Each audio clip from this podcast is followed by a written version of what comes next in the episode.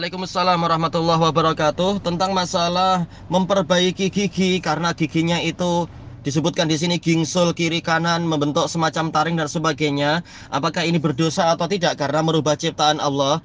Telah anda tanyakan masalah ini kepada sebagian ulama kepada Syekh Abdul Hamid dan kalau nggak salah ke Syekh yang lain juga waktu di Damaj dulu. Yaitu apa? Kalau dia sekedar untuk kecantikan biar sempurna cantik maka itu tidak boleh dilakukan karena ini merubah ciptaan Allah. Tetapi kalau tidak ratanya gigi dia itu menyebabkan sakit menyebabkan dia sering terluka makan pun jadi susah nah, ini berarti digabungkan kepada penyakit. Penyakit boleh diobati. Jadi cacat ada dua. Cacat yang tidak sampai menyebabkan orang itu susah makan atau jadi ter, sering terluka, sakit dan sebagainya, maka yang seperti ini jangan dirubah karena dikhawatirkan merubah ciptaan Allah masalah gigi tadi itu.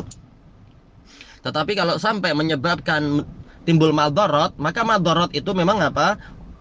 Boleh untuk diobati, boleh untuk ditinggalkan, bahkan sebagian maldorot, kita tidak mengatakan semua maldorot, sebagian maldorot itu wajib untuk dihilangkan Nah, lihat keadaan gigi tadi sampai seperti apa e, keperluan kita untuk mem memperbaikinya, merapikannya dan sebagainya tadi.